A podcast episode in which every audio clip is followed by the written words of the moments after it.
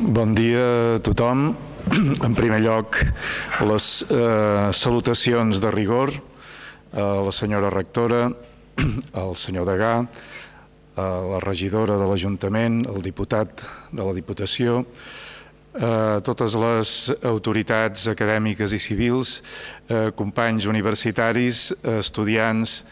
i, en definitiva, amics de la llengua que eh, sou presents en aquesta sessió inicial. Eh, en segon lloc, després de saludar, eh, voldria felicitar, perquè, eh, com ja s'ha dit, però voldria reiterar-ho i subratllar-ho per la meva part, crec que eh, aquest cicle ha estat un gran encert. Els que tingueu l'oportunitat d'assistir-hi cada, cada vegada eh, tindreu una visió panoràmica que eh, jo hauré d'esperar segurament i altres persones que ens interessaria veure-ho ens haurem d'esperar bé a veure-ho eh, enregistrat, crec que s'enregistren aquestes eh, sessions o bé eh, publicats, si s'arriba a publicar, però realment eh, cal felicitar els dissenyadors, eh, Narcís Iglesias i en Josep Maria Nadal, crec que són els principals dissenyadors d'aquest programa, perquè realment ofereix una panoràmica que molt poques vegades es pot donar sobre els diferents aspectes de l'elaboració eh, interactiva, diria jo, entre eh, l'orientació normativa que fa eh, una institució acadèmica com la nostra i els grans cultivadors de la llengua. Aquesta interacció és la base del progrés, del desplegament de les capacitats expressives de la llengua, com veurem, eh, començarem a veure avui i veureu al llarg d'aquest cicle. Eh, per tant, doncs, eh, us felicito i eh, us dono les gràcies per haver-nos convidat des de la secció filològica també a poder explicar en detall eh, les feines principals que estem duent a terme i la trajectòria que s'ha seguit, que és el que farem eh, a partir d'ara. En aquesta commemoració del nostre centenari, eh, encara que pugui sorprendre una mica, volem no tant mirar únicament cap al passat, sinó mirar sobretot cap al futur. Efectivament que eh, creiem que el centenari ha de servir per comprendre, ja s'ha dit amb algunes de les intervencions inicials, la visió de futur que hi va haver en el moment de crear l'Institut d'Estudis Catalans i una institució normativa que fos capaç de fer del català una llengua europea moderna. Ara pot semblar fàcil, eh? però en aquell moment era un repte importantíssim. Hem de valorar això, la visió de futur, i hem de valorar la transcendència social que ha tingut haver heretat aquesta eh, si voleu, com es deia abans, aquesta llengua normativa que de vegades resulta un poc eh, difícil, molesta, perquè s'ha d'aprendre, s'ha d'arribar a dominar. Si no tinguéssim aquesta codificació, si no haguéssim heretat aquesta codificació i la poguéssim perfeccionar i la poguéssim discutir, seríem una d'aquestes llengües que deia en Josep Maria Nadal en començar, que tenen, precisament per aquesta raó, tenen un futur molt més incert. Però sobretot el centenari ens agradaria que servís per projectar-nos cap al futur, per eh, precisament promoure, eh, com intentem fer amb tots els nostres mitjans i capacitats, l'actualització permanent d'aquest llegat lingüístic que hem rebut. I eh, també voldríem que el centenari contribuís, i en parlarem amb una mica de detall, a construir un futur de plenitud eh, lingüística i també, per què no, cultural i nacional, des de la nostra dimensió lingüística, que eh, podem aconseguir i que volem aconseguir. He dividit aquesta presentació en una sèrie d'apartats que anirem desgranant successivament. Primer comentarem eh, algunes coses, reprendrem algunes de les coses que ja s'han dit en els parlaments introductoris, eh, quina va ser la visió inicial i per què va tenir èxit. En segon lloc, explicarem perquè és cert que hi ha una visió una mica deformada o insuficient, insatisfactòria, de vegades eh, injustificada, del que és i del que fa la secció filològica. I per això parlarem de les seves tres grans funcions, la feina que fem d'orientació normativa, ens entretindrem una mica amb el tema del cicle, que és com entenem el model de llengua d'una manera inclusiva i oberta cap a l'evolució, Parlarem de la segona feina, de la segona línia de treball eh, que des dels inicis ha tingut la filològica, que és la recerca, la investigació de la llengua, i d'una tercera dimensió que ara, en els moments que vivim i, i que previsiblement viurem agafa també una importància considerable, que és fer el seguiment de la situació sociolingüística i pronunciar-nos sobre les dificultats que hi ha perquè la llengua catalana pugui arribar a ser reconeguda en termes igualitaris. I, en definitiva, acabarem subratllant, com hem volgut fer amb aquest lema, l'any de la paraula viva, i amb aquest, amb aquest logo que ja veieu que per la imatge que té, que ens ha dissenyat el Xavier Mariscal, eh, transmetre a la societat que aquest centenari vol ser àmpliament participatiu, no vol ser una simple commemoració dins de les parets acadèmiques, sinó que hi participi, com ja està passant, eh, que hi participi tothom a tot el territori i eh, que sigui doncs, un centenari eh, en què tothom celebri, eh, mirant cap al futur, aquests cent anys passats.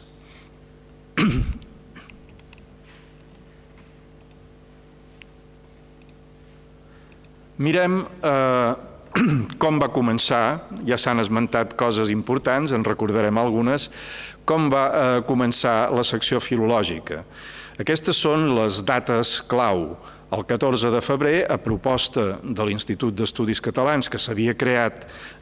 quatre anys abans, eh, Enric Prat de la Riba, eh, president de la Diputació, crea en el seu sí la secció eh, filològica i també la secció de ciències, que després s'ha desdoblat en una sèrie de seccions científiques, però que també eh, neixen en el mateix any 1911. La primera reunió de la secció filològica té lloc el 9 de maig. Per això el nostre centenari també el vam començar a celebrar a la primavera d'aquest any. En aquesta eh, secció inicial, eh, a part de que veieu aquí Enric Prat de la Riba, figura clau, com comentarem ara també, de tota aquesta visió de futur, eh, en Prat de la Riba i els membres de l'Institut van saber aplegar per damunt de diferències ideològiques, van saber aplegar les persones clau. Els dos grans lingüistes del moment, Antoni Maria Alcover, Pompeu Fabra, tres dels grans escriptors d'aquell moment, de generacions i estils diferents, en Guimarà, en Maragall i en Carner, i després un helenista, en Lluís Segalà, coneixedor de la cultura clàssica, i com s'ha dit, en Frederic Clascà, eh, coneixedor de la cultura bíblica, és a dir, les dues grans tradicions culturals del nostre país i de la cultura occidental. Per què va tenir èxit eh, aquesta codificació i per què va tenir èxit eh, en tan sols 20 anys?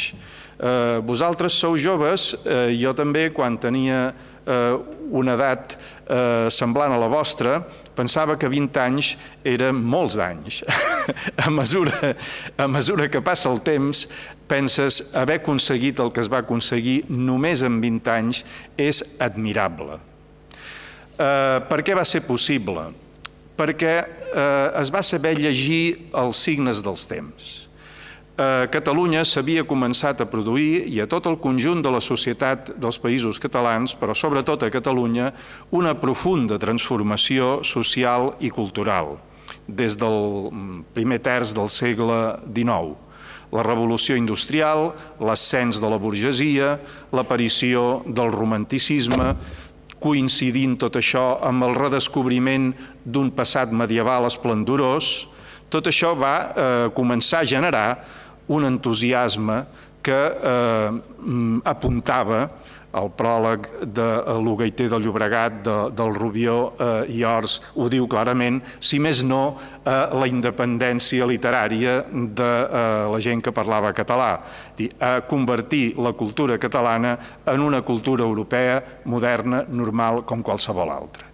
I aquesta transformació, aquesta dinàmica social, va saber trobar, que això és el que també convindria subratllar eh, i, i veure com seríem capaços avui de reproduir-ho, va eh, saber eh, crear una gran conjunció d'esforços. Antoni Maria Alcover havia eh, fet una crida des del 1901 i havia començat a recórrer, eh, de vegades a cavall de mula, en aquell temps els transports no eren tan senzills com ara, eh, tot el territori de la llengua catalana i eh, creant-hi focus de gent que treballés per la construcció d'un gran diccionari de la llengua catalana, que és el que després seria el diccionari Alcover Moll, i perquè treballessin per la recuperació del que ell deia la santa causa de la pàtria. Ho deia, ho deia amb aquestes paraules, és a dir, que no era únicament una qüestió filològica, sinó una qüestió patriòtica. La, eh, aquesta eh, empenta, aquest impuls, aquesta energia, de vegades fins i tot desbordant, d'en Alcover, va tenir la sort de, de, de conjuntar-se amb eh, el seny ordenador, com s'ha dit, de Pompeu Fabra, amb eh, un sector de la societat que, a través de la campanya de la revista L'Avenç, va promoure una codificació mm, del català amb un sentit sistemàtic i modern, un sentit clarament innovador. I això, que hauria pogut ser una feina de lingüistes molt interessant, potser no hauria transcendit eh, socialment si no hagués tingut el tercer element, la tercera eh, pota, diríem, importantíssima del suport institucional, d'un suport institucional inequívoc, eh, sense cap ombra de dubte que eh, l'empresa de la llengua era de les més importants que es podia plantejar Catalunya en aquell moment. Aquest era el sentit d'Enric Prat de la Riba, que des d'un poder polític eh, d'una diputació i d'una diputació d'aleshores, amb unes capacitats eh, de competències i de recursos molt limitats, va saber treure partit de, de la dinàmica de la societat i de la capacitat de la institució per desplegar una feina, insisteixo, admirable,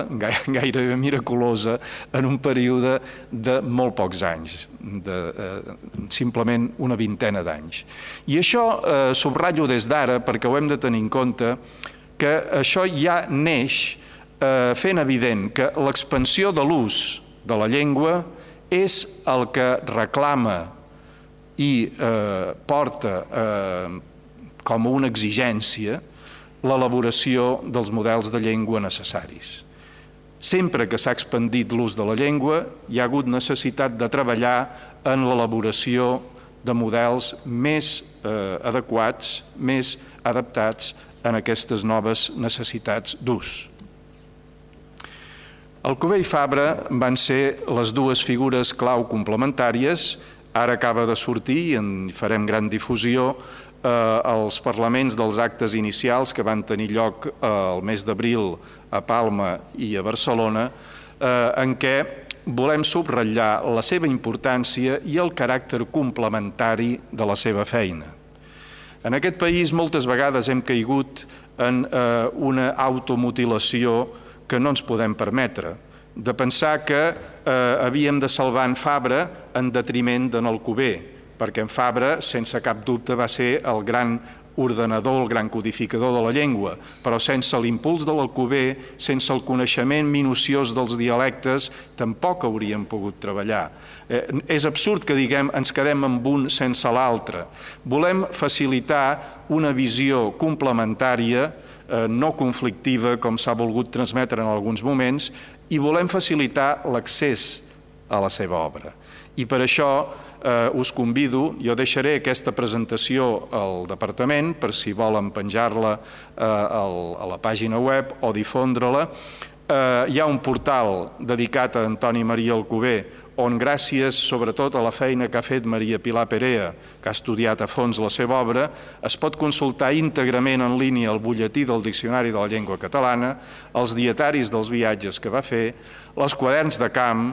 la flexió verbal, 500.000 formes verbals amb un mapa en què podeu sentir cada forma verbal al llarg del territori, els que vulgueu tenir una vivència eh, acústica de la, de la variació de la llengua ho podreu fer, i també, és clar, el gran diccionari el Moll, que ja estava en línia. Al mateix temps, l'Institut, en moltes institucions, promou l'edició de les obres completes de Fabra,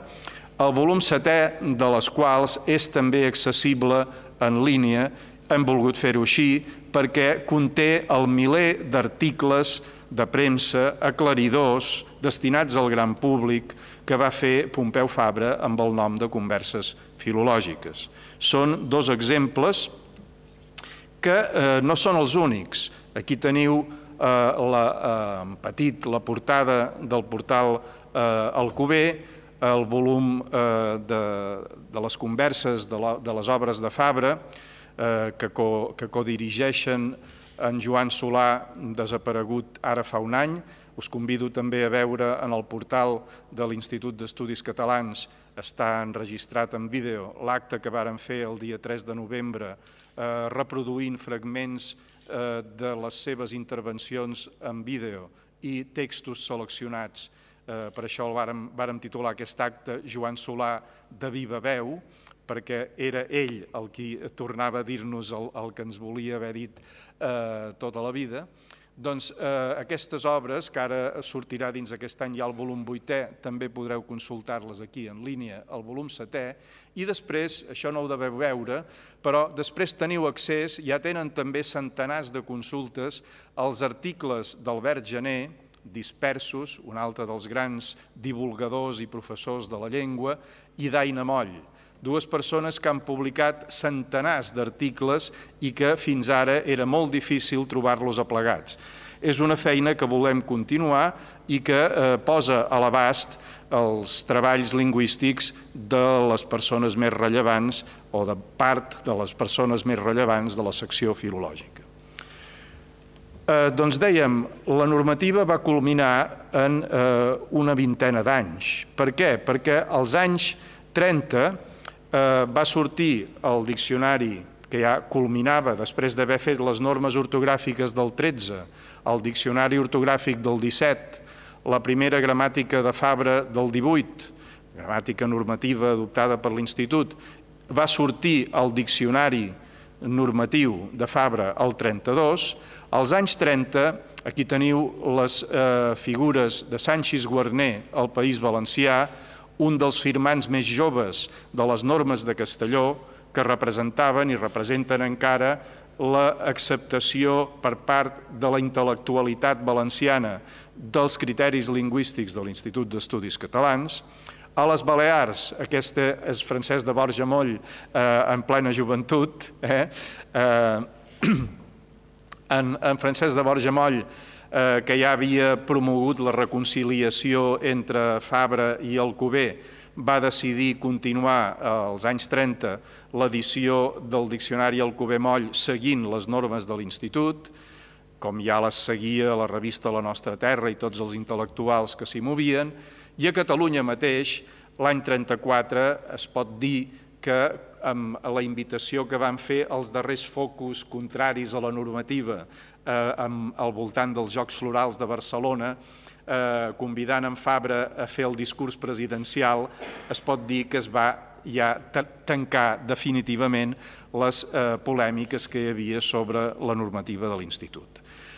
Als anys 30 també van ser, com, com podeu saber, eh, i, i ja segur que, que n'heu parlat més d'una vegada en moltes de les matèries que estudieu, va ser un, un altre eh, període d'expansió de l'ús de la llengua. Doncs precisament per això hi va haver aquesta expansió també dels models de llengua. Eh, ara som al vell mig de l'any del centenari, ja he dit que varen començar les celebracions al mes d'abril, han passat eh, més o menys mig any, una mica més de mig any, A partir d'aquest mig any vam començar una segona fase del nostre centenari. El 20 d'octubre vam ser a València i al COI, on vam recordar que també fa 100 anys del naixement de Manuel Sánchez Guarner, fa 100 anys de la mort de Joan Maragall i de Teodor Llorenta i 100 anys del naixement d'un altre gran escriptor i gramàtic valencià, Enric Valor, i eh, ho vàrem celebrar amb un acte a la universitat i amb un acte a la tarda a l'Ajuntament del COI, iniciant d'aquesta manera també la, eh, el record, eh, la commemoració de la feina feta, l'homenatge a les figures de la meitat del segle de la secció filològica, perquè justament l'any 61, ara fa 50 anys, va ser quan van ingressar a la secció filològica Manuel Sánchez Guarner, el gran lingüista valencià, i Francesc de Borja Moll, el gran lingüista illenc, i va ser també en gran part gràcies a ells que un model de llengua que havia nascut per condicionaments obvis, molt centrat en eh, Catalunya, pogués comptar amb uns eh, grans pi pilars de la, de, la, de la codificació i de, i de la flexibilització d'aquest model lingüístic eh, als dos grans territoris del País Valencià i de les Balears. I això va passar a proposta de Joan Coromines i Josep Maria Casacoberta, dues altres persones eminents eh, que eh, durant els, els temps recents hem començat també a associar a les celebracions del nostre centenari. El 2 de novembre vam parlar precisament de Coromines, Moll i Sánchez Guarner a Menorca, a l'Institut Menorquí d'Estudis, i aquesta setmana del 7 al 12 de novembre hi ha hagut un cicle de conferències a Eivissa recordant també el centenari, estem doncs recorrent el territori i amb aquesta idea que ja dèiem, mirar cap al futur. Perquè eh, s'ha comentat, ho ha dit crec la regidora de l'Ajuntament de Girona, que també ara vivim unes transformacions eh, diferents, molt diferents, però una, unes transformacions tan profundes o més com les que es podien viure amb la revolució industrial i el romanticisme. Eh, I per tant és l'hora també de eh, saber estar a l'altura d'aquestes exigències del moment i de reclamar el reconeixement igualitari de la nostra llengua i, de les, i dels nostres drets col·lectius en general en el context estatal enfront d'uns intents previsibles, jo crec que eh, molt probables, de voler legitimar la desigualtat, cosa que ja va començar a passar amb la sentència del Tribunal Constitucional, en què eh, jo subratllo sempre, i permeteu-me que hi faci aquest incís, eh, és eh, inconcebible que la mateixa sentència d'un tribunal, que ja estava poc legitimat per altres raons, que la mateixa sentència digui que el català no pot ser la llengua oficial preferent perquè l'oficialitat de català i castellà ha de ser estrictament igual, anula el caràcter preferent que tota llengua ha de tenir en el seu propi territori, però és que al mateix temps, al mateix temps, la mateixa sentència diu que no es pot predicar el deure de coneixement del castellà i del català, sinó només del castellà.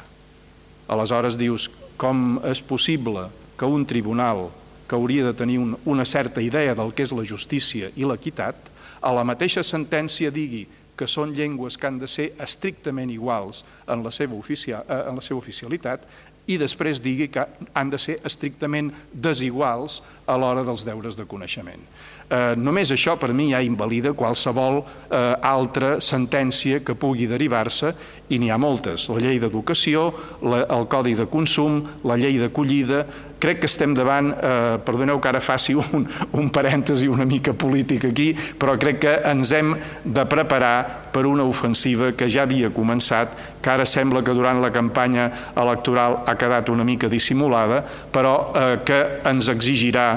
i nosaltres procurarem des de l'Institut, com ja hem començat a fer, estar a l'alçada de les circumstàncies, a, a reclamar la igualtat que eh, mereixem en el marc estatal o en un nou marc estatal que tampoc s'ha de descartar, en el marc de la Unió Europea i en el context mundial, perquè eh, tenim dret a participar en la sostenibilitat equitativa de totes les llengües. Doncs bé, això crec que ens reclama també aquesta conjunció que hi va saber haver a començament del segle XX, traslladar-la ara en el començament del segle XXI i reclamar una conjunció que ha d'existir entre tots els territoris de llengua catalana i entre els projectes polítics, econòmics i culturals. Moltes vegades creiem que són només els de fora els que no ens ajuden a tirar endavant, però si els eh, mateixos dirigents polítics estan en desacord,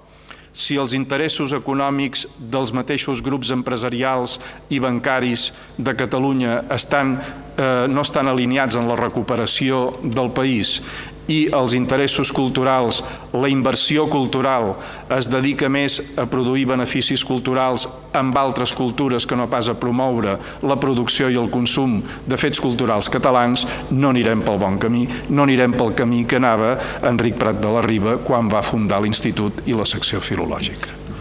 Per això el nostre centenari eh, vol tenir tres grans finalitats, que és donar a conèixer què és i què fa la secció, com a Acadèmia de la Llengua Catalana, que és, permeteu-me aquí un petit incís, si no es diu, eh, si en, en Prat de la Riba no va voler dir Acadèmia de la Llengua Catalana, va ser perquè les acadèmies en aquell temps estaven desacreditades, perquè eh, la idea d'esdevenir acadèmic era com un títol honorífic de persones que ja no treballarien més perquè havien fet tota la seva feina anteriorment, en Prat de la Riba i els membres de l'institut van voler dir-se institut perquè volien que fos un centre de treball. I ara veurem que efectivament ha estat i és un centre de treball. Volem difondre, i això lliga més amb el tema d'aquest cicle, el caràcter integrador que sempre ha tingut i que vol tenir eh, el nostre model de llengua en un sentit que comentarem breument que la variació innovadora dels dialectes i dels diferents registres i gèneres de la comunicació és complementària amb l'orientació eh, normativa que dona a tot això una varietat comuna o estàndard i que se són recíprocament imprescindibles quan a les Balears diuen eh, el, els, els partits de dreta, sobretot el Partit Popular que governa ara, no, no, volem promoure el mallorquí, el menorquí, l'eivissenc i el formenterenc. Us ho diu un eivissenc, perquè jo sóc d'Eivissa. Quan diuen això, tenen molt clar quin és l'objectiu, evitar que els dialectes tinguin una varietat comuna que li permeti sortir de l'ús local i de l'ús familiar i de l'ús, eh, diguem-ne, tradicional i passar a ser una llengua moderna. Eh, no hi ha res innocent darrere d'això. És complementària una cosa amb l'altra i cap de les dues pot prescindir de l'altra. I eh, també insisteixo de nou, i tornaré a insistir, eh, hem de transmetre, volem transmetre a tota la societat aquesta eh, convicció que la llengua catalana té la capacitat i el dret de ser reconeguda en termes igualitaris a l'Estat, a Europa i en el món, perquè té prou base demogràfica, té prou vitalitat creativa, té un model eh, de llengua prou desenvolupat per poder aspirar a ser una llengua en peu d'igualtat amb qualsevol altra. Bé, doncs vivim una etapa crucial en la eh, globalització, com ja hem dit. S'ha expandit l'ús públic i l'aprenentatge de la llengua a tots els territoris com mai no havia passat des de la transició democràtica, encara que siguin moltes insuficiències, hi ha hagut centenars de milers de persones fora de Catalunya, País Valencià i Illes Balears, sobretot, que han començat a aprendre llengua. Jo no vaig poder estudiar a l'escola la meva llengua. Hi ha hagut generacions ara, durant aquests darrers 30 anys, que sí que han pogut i que per primera vegada han descobert, alguns ja ho sabien, d'altres no, han descobert aquest model de llengua estàndard amb el qual no estaven familiaritzats. Bé, és lògic que produeixi una certa estranyesa, però no ens hem de deixar enganyar pels que diuen que aquesta estranyesa és una imposició eh, centralista, etc etc. És un model de llengua imprescindible per al nostre futur general. Després s'ha produït també, eh, ho vivim cada dia, una enorme diversificació de les formes de comunicació i dels àmbits de difusió suprarregionals i mundials. Cada dia apareixen nous estils orals de comunicació, eh, escrits, multimèdia, més informals, ara hi ha mitjans de comunicació que permeten compartir programes de ràdio, de televisió, pel·lícules, eh, etc., eh, de caràcter col·loquial a tot el territori. Això no havia, això no havia passat, no podia passar, no hi havia el, el, els àmbits de comunicació.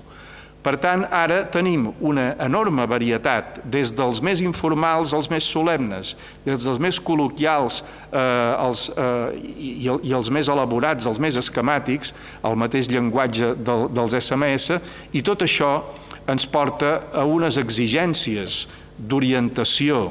dels models lingüístics que no havien existit abans. Eh, és la nostra feina actual, gestionar bé aquesta nova diversitat i gestionar-la en un context multilingüe que també ara és present per tot i que naturalment no era igual ni, ni de bon tros en el, començ, en el començament de la secció filològica. Què fa? Com està organitzada? Què fa la secció filològica? Ja ho he dit, té aquestes tres grans missions, l'orientació normativa i de l'estandardització, la recerca i el seguiment de la situació sociolingüística. És una de les cinc seccions actuals de l'Institut. La secció de Ciències, que es va crear simultàniament, s'ha desplegat en tres altres seccions, la de Ciències i Tecnologia, la de Ciències Biològiques, que són les més eminentment, eh, diguem-ne, de les ciències experimentals i pures, però després també les ciències socials i la filosofia, que també tenen la seva secció. La nostra secció està organitzada en comissions i oficines. Les tres que estan en negreta, per això les he posat així, són les que tenen funcions permanents de eh, feina normativitzadora, de feina codificadora, i us en parlaran en, en les seves eh, conferències respectives en Joaquim Rafel, a la Comissió de Lexicografia, eh, a la Gemma Rigau de la feina que es fa a la Comissió de Gramàtica i també hi ha una feina important, encara que eh, no participi, crec, del cicle aquest, que és la feina que fa la Comissió d'Onomàstica amb l'establiment de, la, de la toponímia i dels noms propis de persona que és un altre aspecte eh, també especialment important. Altres comissions han tingut i poden tenir també funcions importants. La Comissió d'Estàndard Oral va fer unes propostes de les quals parlarem. La Comissió de Transliteració estudia la transcripció d'altres alfabets a la llengua catalana, l'alfabet llatí però adaptats al català, i una comissió operativa, que és la de publicacions, completaria aquesta estructura. Val la pena que també eh, sapiguem quina és la implantació territorial que té l'Institut, perquè de vegades eh, el, el veiem com un edifici en el centre de la ciutat antiga de Barcelona i no ens fem càrrec de tota la ramificació que té. Actualment eh, l'Institut té seus i delegacions a Barcelona, Lleida, Castelló, València i Alacant, a Perpinyà i l'última que s'ha creat a Palma, a les Balears. Aquesta de Palma està, a més, estretament vinculada amb l'Institut eh, d'Estudis Eivissencs i l'Institut Menorquí d'Estudis. Tenim entitats vinculades i adscrites, aquestes dues que acabo de dir, els centres d'estudis locals, amb els quals estaria molt bé, com eh, ha dit el, president de la Diputació, eh, que es parlés també de les qüestions del centenari i de les qüestions de la llengua, eh, vinculats entorn de, de l'Institut Ramon Montaner o aquí de l'Institut Francesc Ximenis, doncs és una altra xarxa de relació amb el món local. Tenim un centre de terminologia que ens permet col·laborar amb, amb molts especialistes de molts camps diversos i eh, tenim convenis amb totes les universitats i singularment un d'important amb eh, la de les Balears, que té estatutàriament la responsabilitat d'assessorar en qüestions normatives al govern de les illes i a fe que ho haurà de fer durant els, els anys que vindran, ja ho ha començat a fer per evitar que eh, la cosa pugui derivar malament. A part d'això, hi ha 28 societats filials a tot l'Institut, amb prop de 10.000 socis, Quatre d'elles són de la secció filològica, aquestes que veieu aquí, d'estudis clàssics, de llengua i literatura, de sociolingüística, de terminologia. L'Institut pertany a la Unió Acadèmica Internacional des de eh, la seva creació eh, als anys 20 i tenim membres corresponents arreu del món. Eh, mirem amb una mica de detall la feina normativa. Estem treballant, us en parlarà la Gemma Rigau, que és la presidenta actual de la Comissió de Gramàtica, estem enllestint la nova gramàtica, en la qual ha fet una aportació en la sintaxi eh, importantíssima en Joan Solà, eh, dirigeix les oficines eh, de, de gramàtica un valencià, Manuel Pérez Saldanya, eh, aquesta gramàtica eh, està pràcticament redactada, aquest any l'acabem de redactar, però hi ha una feina important de revisió i d'integració de tots els capítols i calculem que l'any 13 podria ja estar publicada i se n'hauran de fer, com és lògic, perquè és una gramàtica molt extensa, se n'hauran de fer versions més didàctiques orientades al gran públic. El diccionari actual s'està eh, posant al dia de manera contínua. El dia que és consultable en línia rep literalment eh, centenars de milers, més d'un milió de consultes l'any, és a dir, que és una obra consultadíssima, perquè és molt fàcil clicar i, i consultar. Jo ho tinc a la, a la barra d'eines del navegador i suposo que molta gent també és molt còmode. La Comissió d'Onomàstica ha fet diferents nomenclàtors de toponímia, no sols de Catalunya, que és aquest que veieu aquí, sinó també de la Catalunya del Nord, i ara estem enllestint el de les Balears, és a dir, que s'està fent una feina important també en aquest camp, i la Comissió d'Estàndard Oral ha fet unes propostes de fonètica i morfologia que som conscients que s'han d'actualitzar i ens hi posarem tan aviat com puguem. Hi ha una feina nova que eh, mereix la pena que la recordem encara que afecti només un col·lectiu eh, que és el de les persones sordmudes. El Parlament de Catalunya ens va encarregar amb una llei de l'any passat que l'Institut fes la recerca i la codificació de la llengua de signes catalana. I eh, això té un reconeixement estatal, esperem que eh, sigui més eh, real que simplement simbòlic, perquè hi ha una llei sobre les llengües de signes estatals que ho reconeix. Tenim un conveni en la Federació Eh, de persones sordes de Catalunya i aquest projecte que està començant el dirigeix en Josep Kerr, eh, un especialista en aquest tipus de llengües de signes. Amb la terminologia i l'assessorament també val la pena fer-hi referència perquè són aspectes importants d'aquesta configuració d'un model de llengua eh, apte, assequible per a tothom i per a tots els usos. El termcat ja sabeu que fa de, des de més de 25 anys que eh, treballa en l'elaboració i la sistematització dels vocabularis d'especialitat i hi ha un sistema de consultes que si no el coneixeu us recomano que l'anoteu també perquè té tres nivells de consulta, eh, primer resposta automàtica si eh, ja es troba immediatament amb l'ordinador la resposta que un vol trobar, però també podeu fer consultes personalitzades i un equip de lingüistes us atendrà amb una resposta concreta i si no té aquest equip de lingüistes la resposta, passa a un segon nivell en què la secció filològica, el termcat o política lingüística, si es tracta de temes que no són eh, pròpiament acadèmics, donen la resposta més adequada. El nostre model de llengua permeteu-me que em parli breument, només que sigui com a introducció a les conferències que es faran després, sempre ha volgut ser inclusiu i eh, té la consciència que ha d'evolucionar. És un model de llengua que des dels inicis ha volgut ser integrador,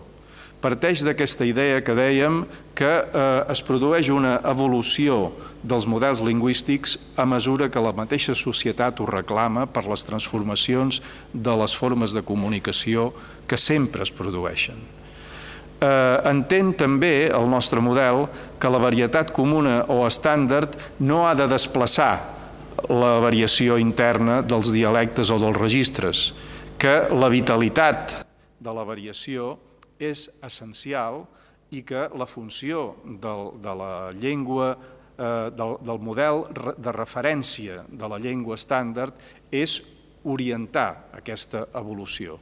I al, mateix temps, i aquí voldria també fer-hi una petita incidència, eh, volem que la gent entengui que les normes són primer de tot socials, que els lingüistes, ni els lingüistes de fora de les acadèmies, ni els lingüistes de dintre de les acadèmies s'inventen, com de vegades hi ha gent que es creu, les normes, sinó que simplement les observen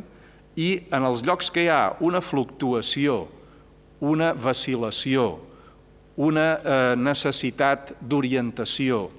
d'una eh, situació poc definida d'aquestes normes socials, és quan eh, és, és lògic que hi hagi una intervenció orientadora, sigui de caràcter personal, amb les llengües que no tenen una institució acadèmica, que sí que tenen eh, una normativa o una, una, un, un model de referència, encara que no sigui acadèmic, o institucional, com és el nostre cas.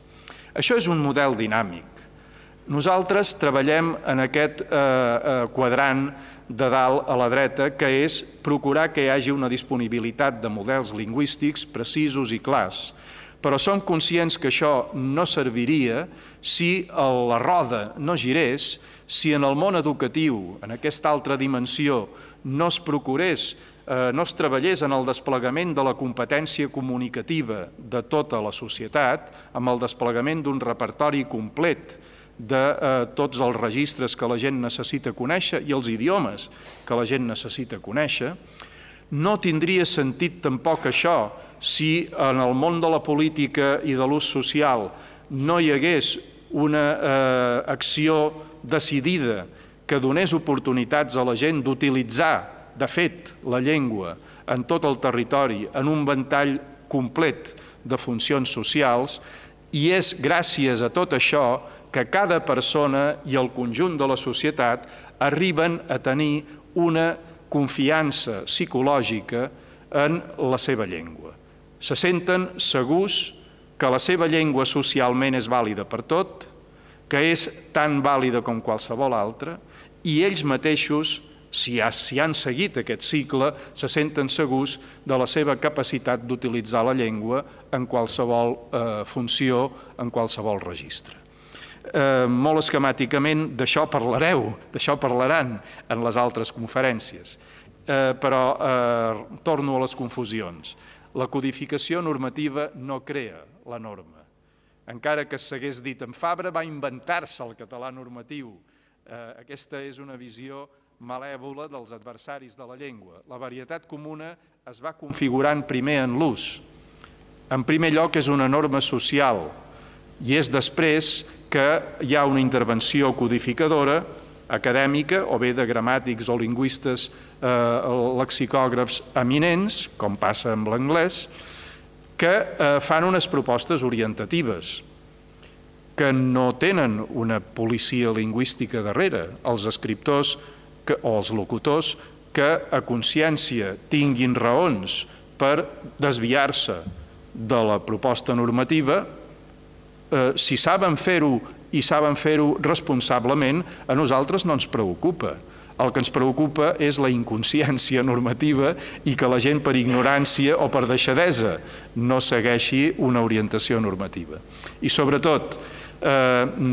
pel fet també que jo em dic marí i això em porta a una imatge eh, marinera, la eh, innovació i la variació que és imprescindible com el vent perquè un valer navegui, si no té el timó,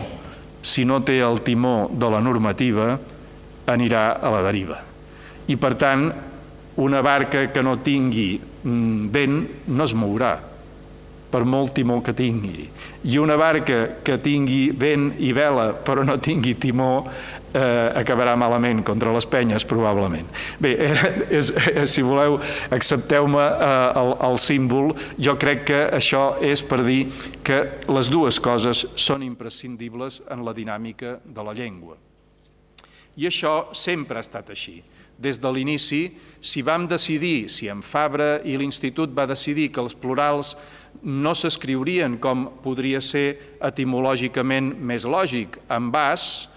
eh, sinó que s'escriurien amb és, és perquè els occidentals no diuen cases ni diuen ca cases, com neutre com nosaltres, sinó cases.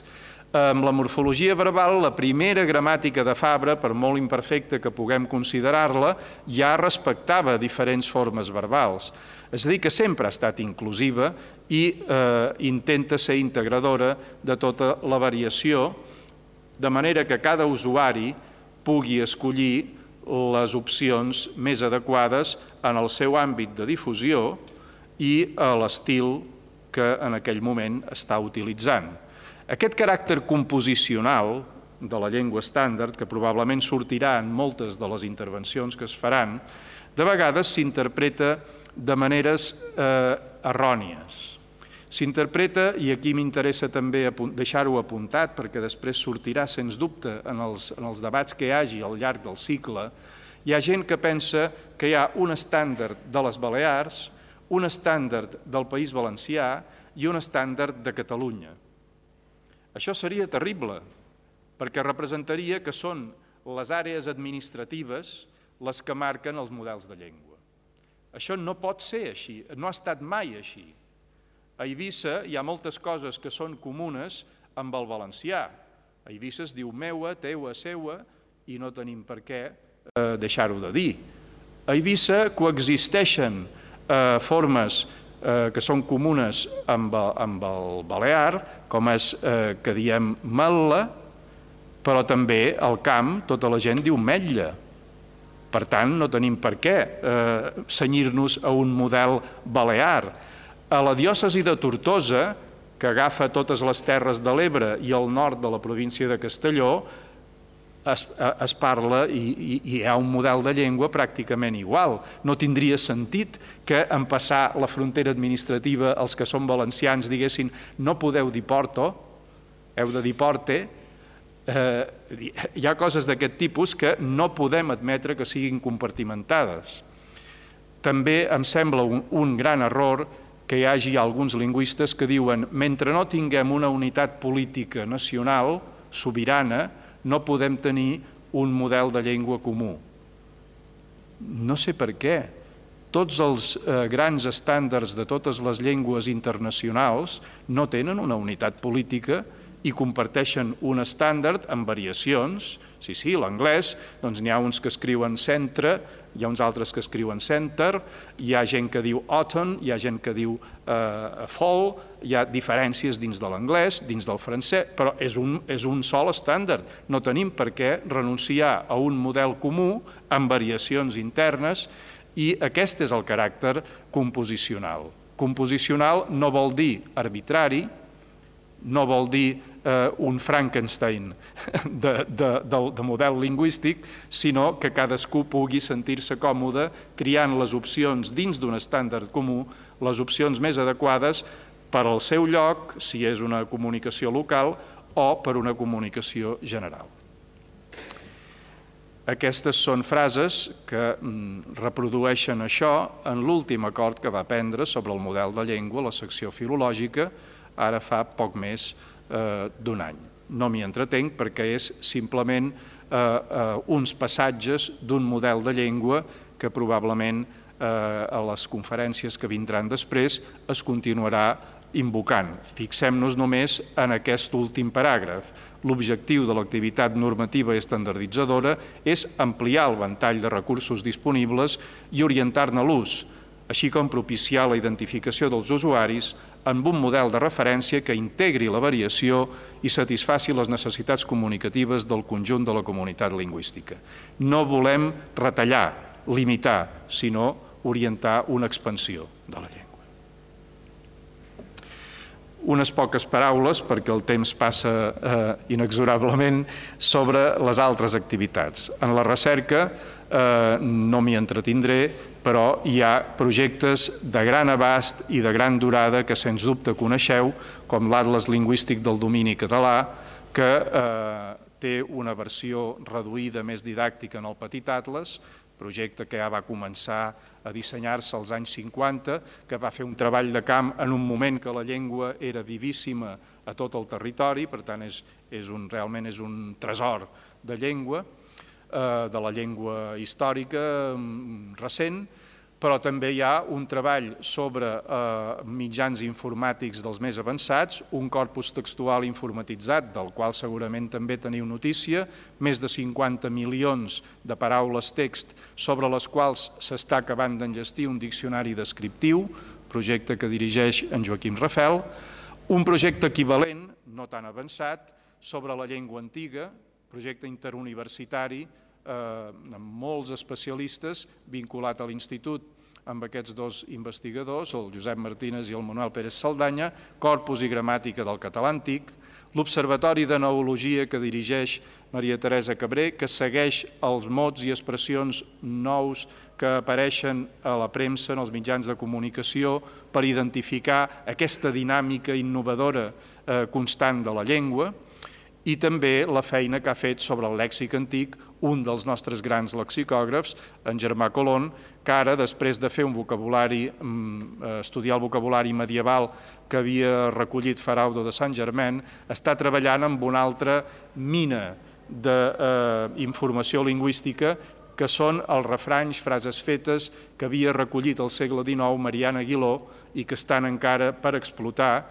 al segle XIX la nostra llengua tenia una fraseologia riquíssima i segur que ens aportarà una informació eh, essencial molt important. Us poso també com a referència les grans publicacions de la nostra secció, la més antiga i més eminent, Estudis Romànics, i les quatre revistes de les quatre filials, però us recomano també que visiteu la Maroteca Científica Catalana de l'Institut d'Estudis Catalans, on veureu en línia una gran quantitat de revistes científiques en tots els camps en català. Jo parlo sobretot avui de la feina de la secció filològica, però el fet que tota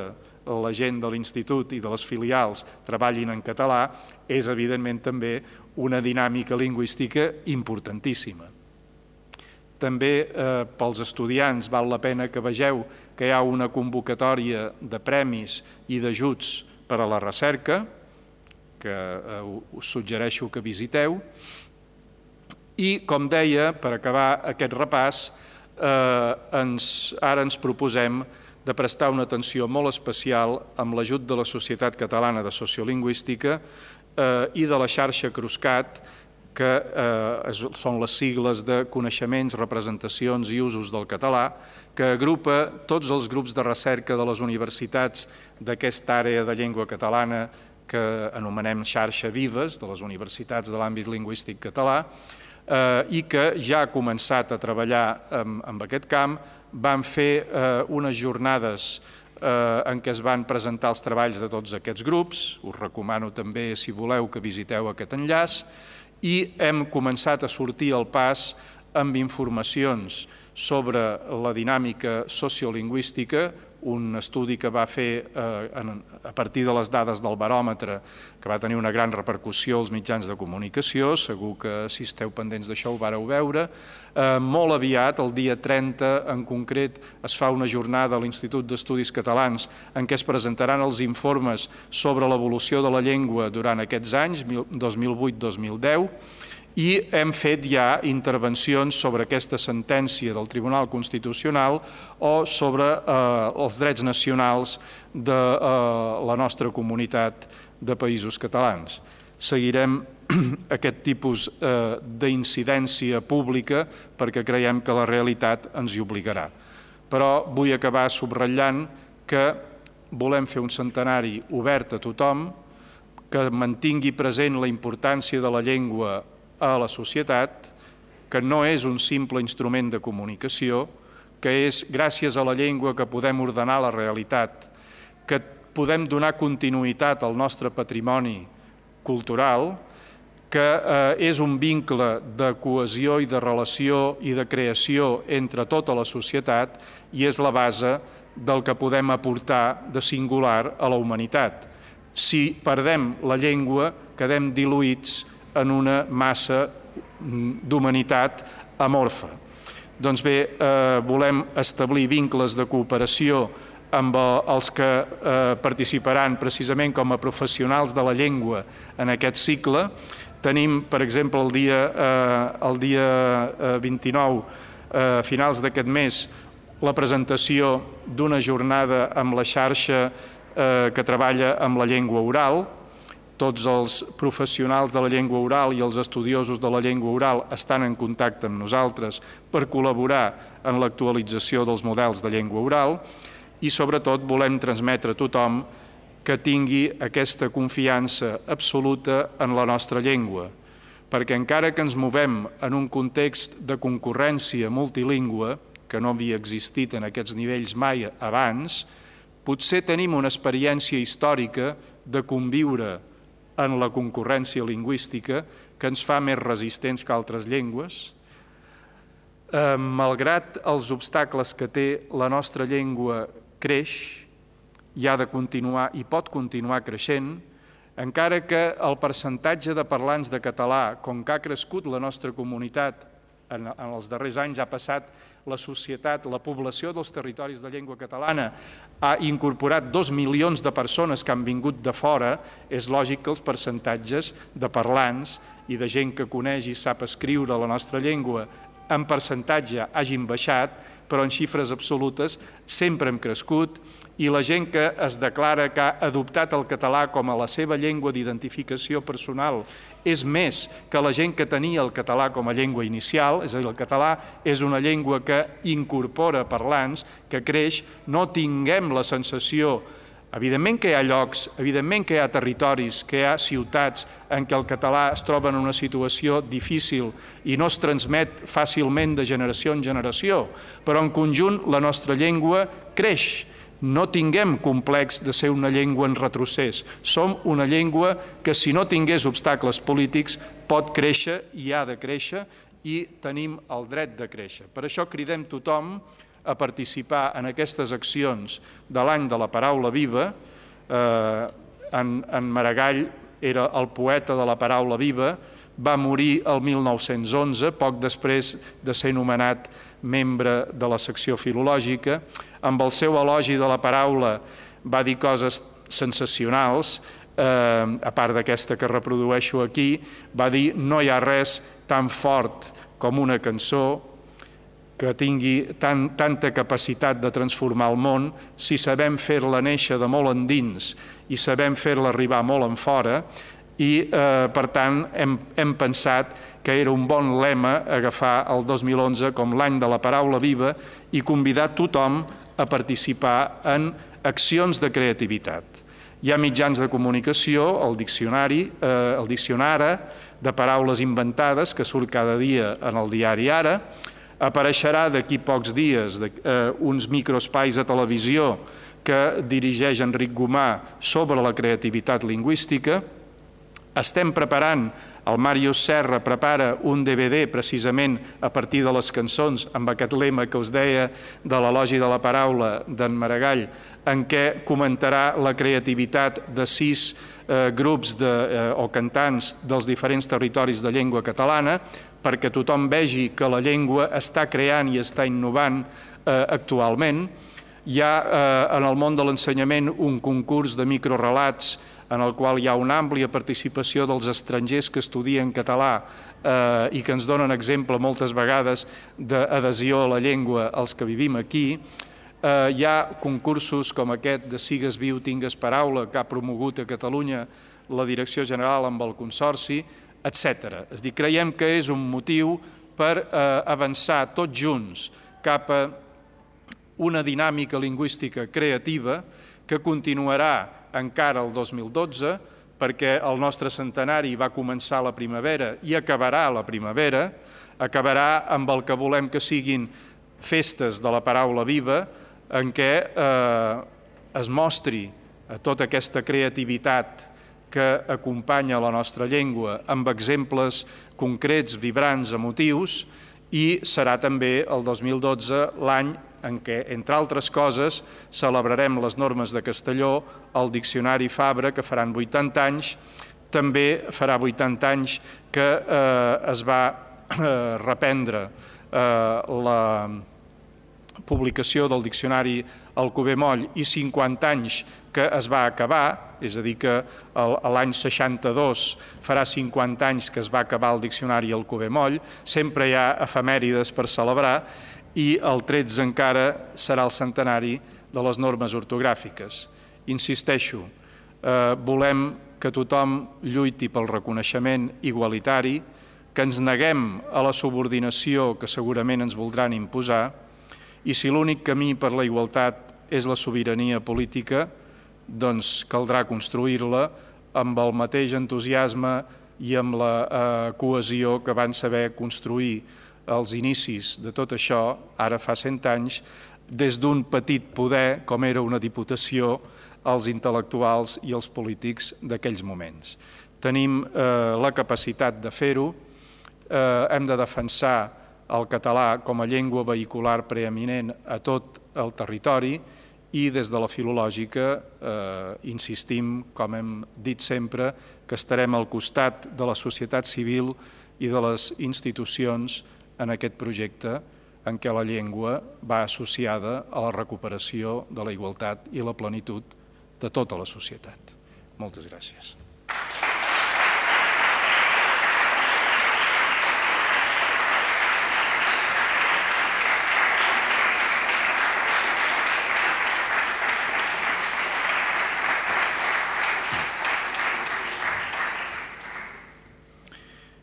És possible que hi hagi, malgrat l'hora, temps o ganes de fer alguna pregunta? És, és així? O algun comentari, no sé. Uh, però alhora estava comentant que fet potser de dia i crec que potser de ser el pel·lícula del Maria que realment ha marcat els temes que vindran a continuació obrint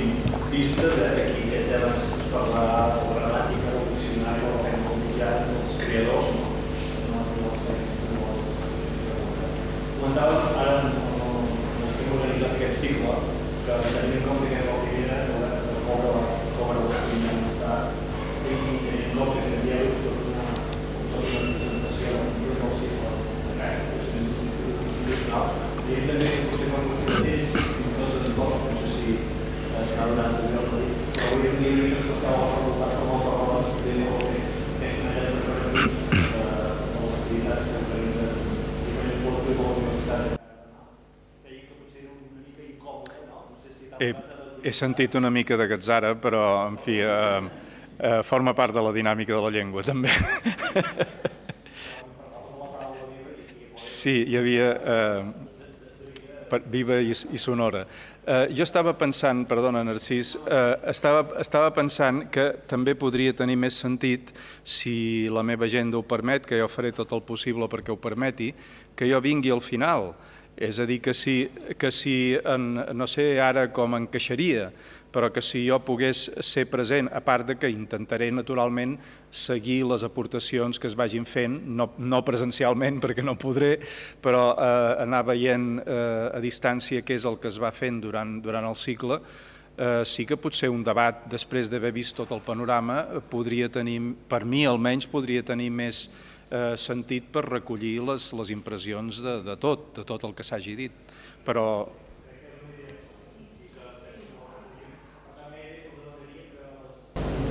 estímuls que